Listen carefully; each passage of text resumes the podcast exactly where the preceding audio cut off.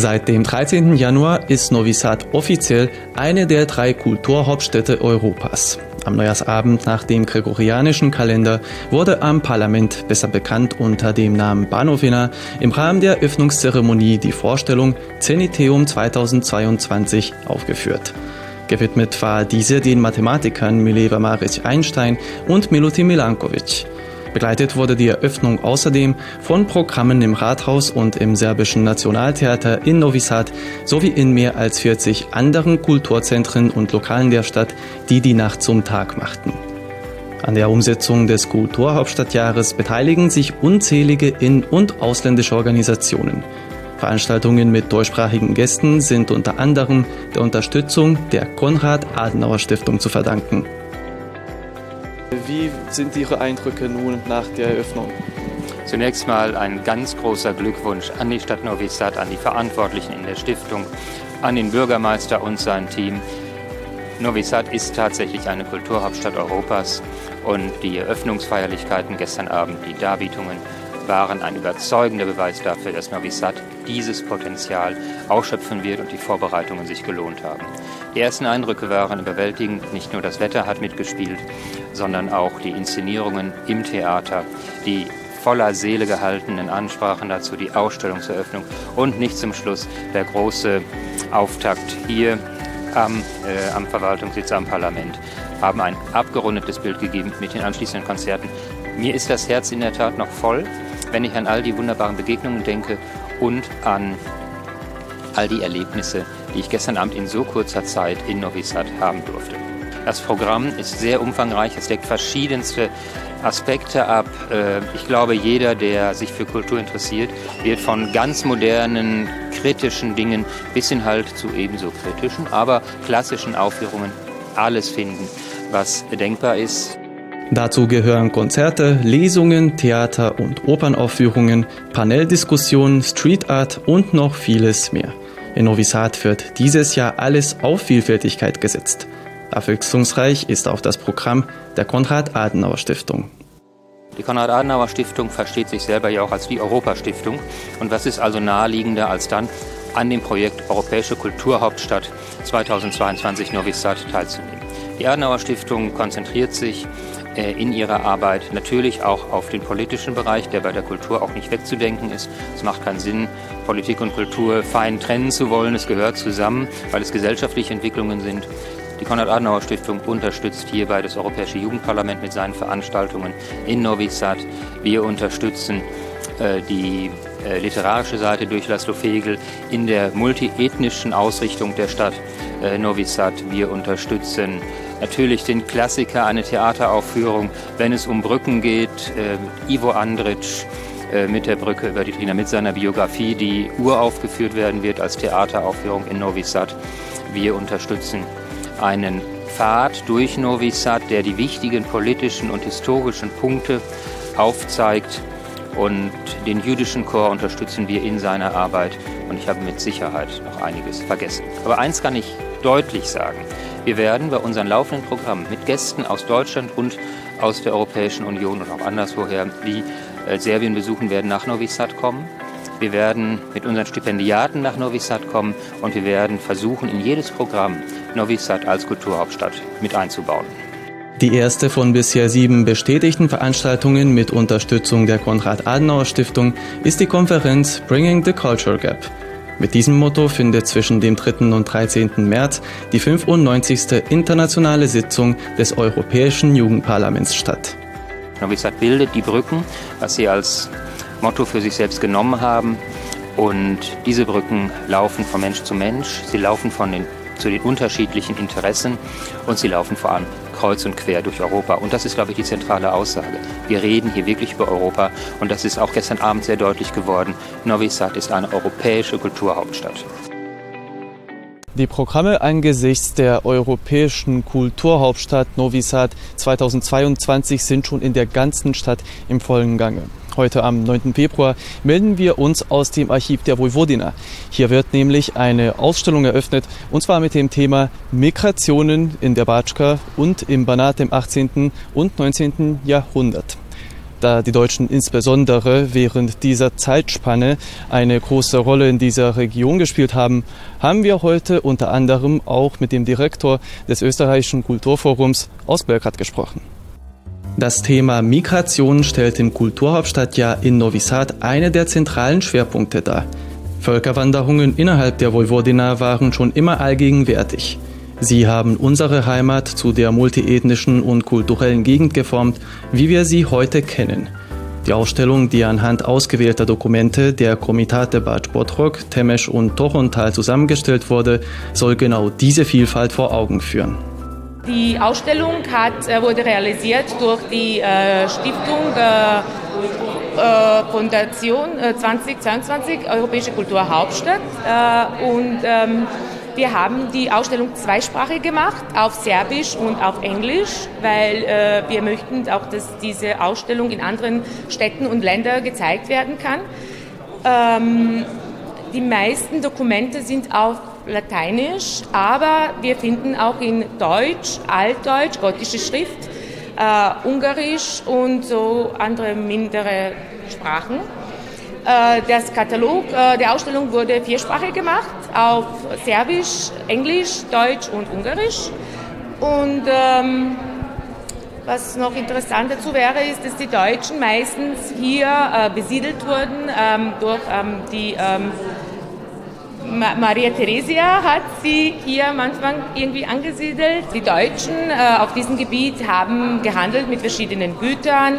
Ähm, sie wurden auch äh, angesiedelt, weil die militärische Grenze hier war äh, und um das äh, Habsburgsmonarchie zu schützen. Im Rahmen der Eröffnung sprach Johann Wall-Rabenstein, Rezensent der Ausstellung und Archivar in Rente, über die Komplexität der Archivarbeit und betonte, dass das heutige Europa in Wahrheit nichts anderes sei als das Ergebnis ununterbrochener Migrationen. Insbesondere seien aber die Batschka und das Banat Regionen, die aus irgendeinem Grund eine starke Anziehungskraft hatten und in denen sich über 15 Nationalitäten in einer einzigartigen Konstellation mischten. Dem schlossen sich in ihren Reden auch Dr. Dejan Kuzmanovic, Direktor des Archivs der Vojvodina, Soran Tadic, ehrenamtlicher Konsul von Österreich in Novi Sad, Nemanja Milenkovic, Direktor der Stiftung Novi Sad 2022 sowie der Direktor des österreichischen Kulturforums in Belgrad an. Es ist immer wichtig, auf die Geschichte zu schauen. Es gibt eine lange Geschichte, eine lange, teilweise gemeinsame Geschichte in der Vojvodina. Batschka und Banat äh, waren, wie man es hier sieht in der Ausstellung, schon äh, seit vielen Jahrhunderten äh, Migrationsorte. Diese Vielfalt, diese Mehrsprachigkeit, die Toleranz, das sind alles wichtige Bereiche, die auch dazu beigetragen haben, Novi Sad zur Kulturhauptstadt zu machen. Das heißt, wir schauen jetzt in die Vergangenheit, ähm, aber in Wahrheit schauen wir auch in die Zukunft und und schauen, wie wir gemeinsam äh, weitermachen können in der Kultur und in der Vielfalt und Toleranz. Und wie Sie das schon mehrmals angedeutet haben, beteiligt sich auch das Kulturforum aktiv am Kulturstadtjahr und wird es auch weiterhin tun. Was für Programme stehen beim Kulturforum auf dem Plan? Ja, also ich, ich kann nicht alle 40 äh, Projekte darstellen, die wir dieses Jahr geplant haben. Es ändert sich auch immer wieder was. Aber ich kann im äh, Februar schon ankündigen, unsere nächste größere Veranstaltung in der Suluf Galerie, Link It Market, ein, ein künstlerisches äh, Projekt, ähm, bildende Kunst, das wird am 21. Februar eröffnet. Und dann haben wir ein paar Highlights, ein paar größere Sachen. Äh, eine Oper zwischen äh, dem Nationaltheater Novi Sad, Linz und Modena, dreisprachig äh, im April. Ist noch nicht ganz klar wann, aber das wird sicher ein Highlight. Dann haben wir eine große Ausstellung der feministischen Avantgarde gleich in der Nähe hier im Museum für zeitgenössische Kunst. Die wird am 20. Mai, wenn ich mich nicht irre, eröffnet, mit vielen Künstlerinnen aus Österreich, aus Deutschland auch. Also ich glaube, das wird auch ein, ein, ganz wichtiges Event. Und ähm, dann haben wir das, das Tamburiza-Fest, wo Österreich Gastland ist dieses Jahr. Dann haben wir die Ars Electronica, die im September kommt, äh, mit, mit vielen Projekten, die Kunst und Technologie vereinen. Äh, dann haben wir äh, die verschiedensten Ausstellungen und eine ganz wichtige noch am Ende des Jahres ist 100 Jahre Niederösterreich im Museum der Vojvodina. Das heißt, äh, da wird Niederösterreich, das ja ein, ein relativ junges Bundesland ist eigentlich, weil es sehr spät von Wien getrennt wurde, sich präsentieren und seine Geschichte hier präsentieren. Die Vojvodina hatte den Vorsitz der Arbeitsgemeinschaft der Donauländer. Das heißt, da gibt es äh, Zusammenarbeit auf, auf verschiedensten Ebenen. Das sind nur einige Highlights, äh, aber wir werden immer wieder auf Sie zurückkommen und, und wenn wir konkrete Veranstaltungen haben, freue ich mich sehr, äh, Sie im Publikum auch ankündigen zu können. Gledate paletu. Izbor iz emisija na jezicima nacionalnih zajednica.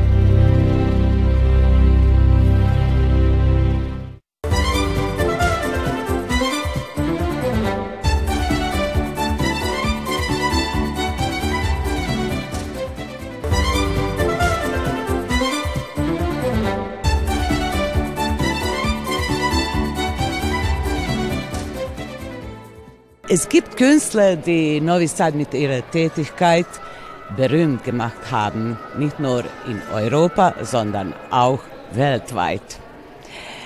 Äh, unter denen können wir erwähnen auch eine Perkussionistin und eine Violoncellistin. Zwei junge Damen, die mit ihrer Tätigkeit schon viele Preise gewonnen haben. Und hier sind sie im Konzert The Best of Novi Sad.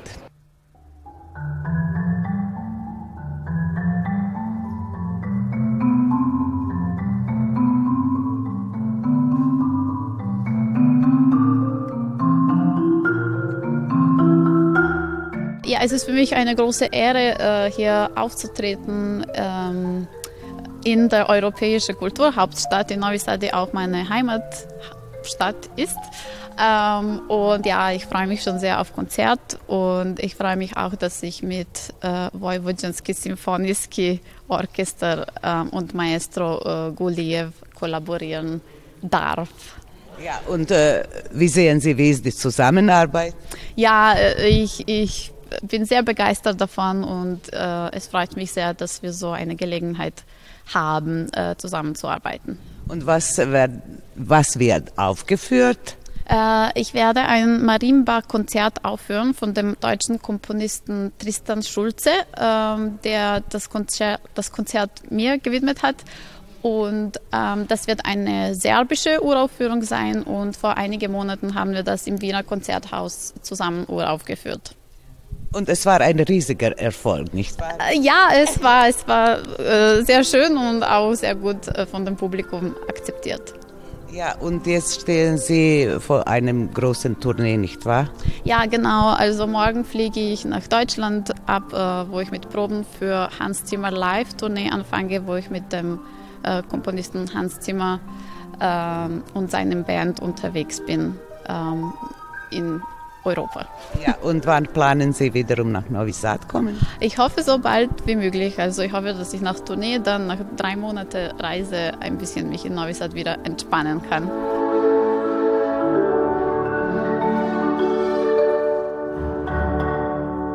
Also du, die Zukunftspläne? Ähm, wie gesagt, Tournee. das wird schon ähm, sehr viel Zeit und Spaß machen. Ähm, und ja, danach schauen wir mal, wie auch mit diesen Corona-Umständen sich ausgeht, weil für uns Künstler war es jetzt ein bisschen äh, problematisch, auch Europa und weltweit. Und deswegen ich hoffe, dass das mal bis zu Ende kommt und dass wir normal mit unseren künstlerischen Tätigkeiten äh, weitermachen können.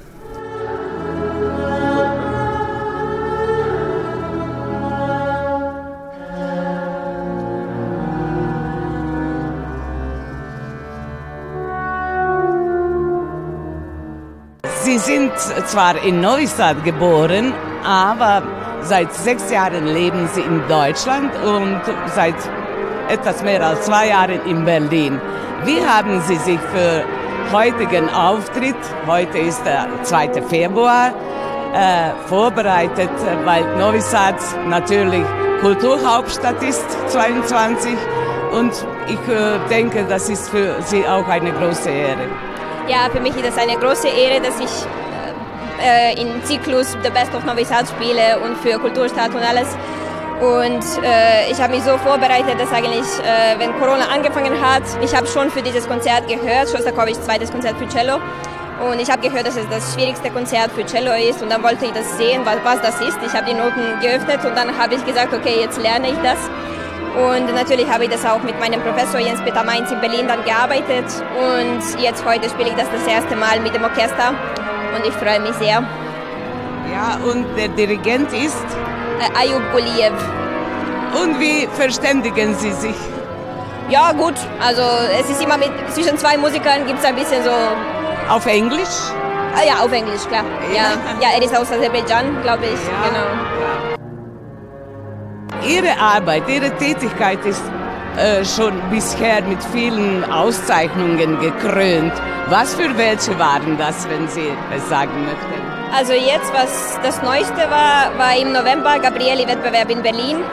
Äh, da habe ich erster Preis gewonnen und da, das bin ich sehr stolz. Genau.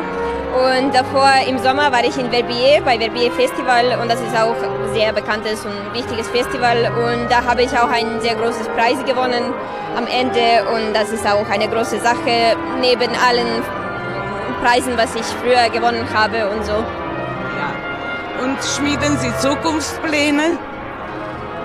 Äh, Zukunftspläne, ja, also jetzt habe ich noch ein paar Konzerte in diesem Jahr und im Juni soll ich Abschluss, Masterabschluss in Berlin haben. Und ja, dann ich gehe wieder zu Verbier Festival diesen Sommer und solche Sachen. Und wann kommen Sie wieder nach Novi Sad? Wenn Sie mich einladen. ja. Also, was ist für Sie zu Hause? Deutschland, Berlin oder Novi Sad? Ah, das ist eine sehr schwierige Frage, weil hier bin ich aufgewachsen, aber in Deutschland eigentlich wohne ich. Also ich bin da meiste Zeit und deswegen ich, ich habe zwei zu Hause eigentlich. Also, genau. Das zweite Konzert in der Reihe, The Best of Novi Sad, war am 10. Februar im Serbischen Nationaltheater. Hier sehen Sie noch die Vorbereitungsphase am Abend zuvor. Die Generalprobe läuft wie am Schnürchen. Der Gastdirigent und die Vojvodina Symphoniker kennen sich mittlerweile ziemlich gut. Also ich freue mich sehr, ich freue mich auch sehr auf Publikum in Neustadt und äh, jedes Mal, wo ich Vojvodinske Symphonische Orchester begegne, äh, äh, ich freue mich sehr auf die Zusammenarbeit, die sind ganz freundlich, ganz lieb, tolle Künstler und wir machen immer, immer eine große und wunderschöne Zusammenarbeit. Srboljub Dinic wurde nicht geboren, doch die Musik führte ihn ins Ausland. Momentan ist er der Generalmusikdirektor im Staatstheater Braunschweig. Die Musik ist bei ihm seit Generationen in der Familie. Mein Großvater war Dirigent und meine Mutter war Klavierlehrerin. Bei uns war das Thema Musik, klassische Musik ein Teil der Erziehung und ein Teil des Lebens seit äh, Kindheit auf. Und ich, ich habe mich irgendwann entschlossen, Musik zu studieren. Ich habe dann Klavier- und Kammermusik in Belgrad studiert. Habe ich dann eine Gelegenheit bekommen, äh, ein, eine Audition gemacht. Dann habe ich die Stelle in Basel erstmal bekommen und dann habe ich mich dann für, äh, richtig für Dirigieren so interessiert und eingesetzt. Dann habe ich erstmal in Bonn dirigieren gelernt und dann habe ich meinen Master am Ende in Skopje gemacht bei Sascha Nikolowski. Äh, wie gesagt, Dirigieren war immer das, was mich interessiert hat und ich habe mein erstes Konzert vor ungefähr mit dem Orchester vor 27, 28 Jahren gemacht. Mit dem Chor war das wirklich schon 16, im, im Alter, Alter von 16 Jahren. Und es ist unglaublich, äh, äh, Dirigieren hat mir natürlich viel geschenkt. Also ich habe die ganze Welt gesehen, ich habe ich hab überall gearbeitet. Das ist wirklich ein unglaubliches Gefühl. Aber ich bin auch ganz stolz, dass ich aus Serbien komme. Das gibt nicht viele serbische Dirigenten, die im Ausland dirigieren. Und ich werde auch oft angesprochen äh, darüber und äh, ich muss wirklich mit Stolz sagen, dass Serbien ein kleines Land äh, auch tolle Künstler hat und auch tolle Dirigenten. Die Konzertreihe The Best of Novi Sad wollte eben genau das zeigen. Zu den Gästen im Programm zählten international anerkannte Künstler, die aus Serbien stammten und mit Novi Sad verbunden sind. Beim Konzert am 10. Februar waren neben Srboljub Dinic noch zwei weitere Gäste mit dabei. Das Publikum kann vor allem zwei großartige Solisten erwarten. Kemal Gekic auf dem Klavier und Stefan Milenkovic, der Geiger. Das sind zwei außerordentliche Solisten, tolle Künstler, die natürlich mit Novi Sad verbunden sind. Und wir, die werden Stefan Milenkovic in Mendelssohn Violinkonzert spielen, Kemal Gekic Brahms zweites Klavierkonzert und das Orchester unter meiner Leitung wird Prokofjew klassische Symphonie spielen.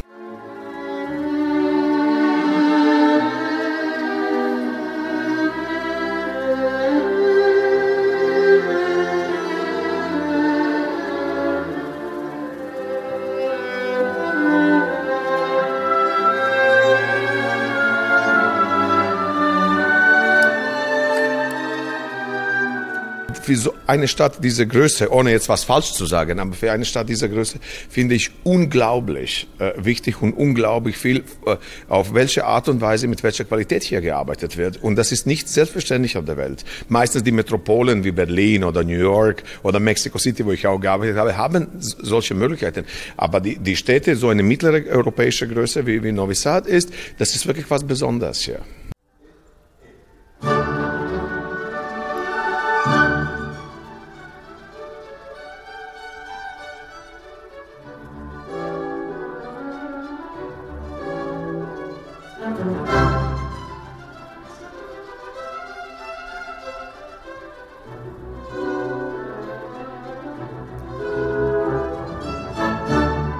Ich möchte mich äh, vor allem bei dem Orchester bedanken und bei Roman Buga, mit, beim Direktor vom Orchester. Es ist auch sein großes Verdienst, dass hier solche Künstler auftreten. Das ist auch nicht selbstverständlich und ich finde, er macht eine tolle Arbeit und ich hoffe, dass in der Zukunft auch äh, Symphonieorchester aus Vojvodina noch mehr finanzielle und jede Unterstützung bekommt, weil es wäre sehr wichtig für diese Stadt, auch für Region, auch für Vojvodina, auch für Serbien, so, noch so ein Orchester zu haben.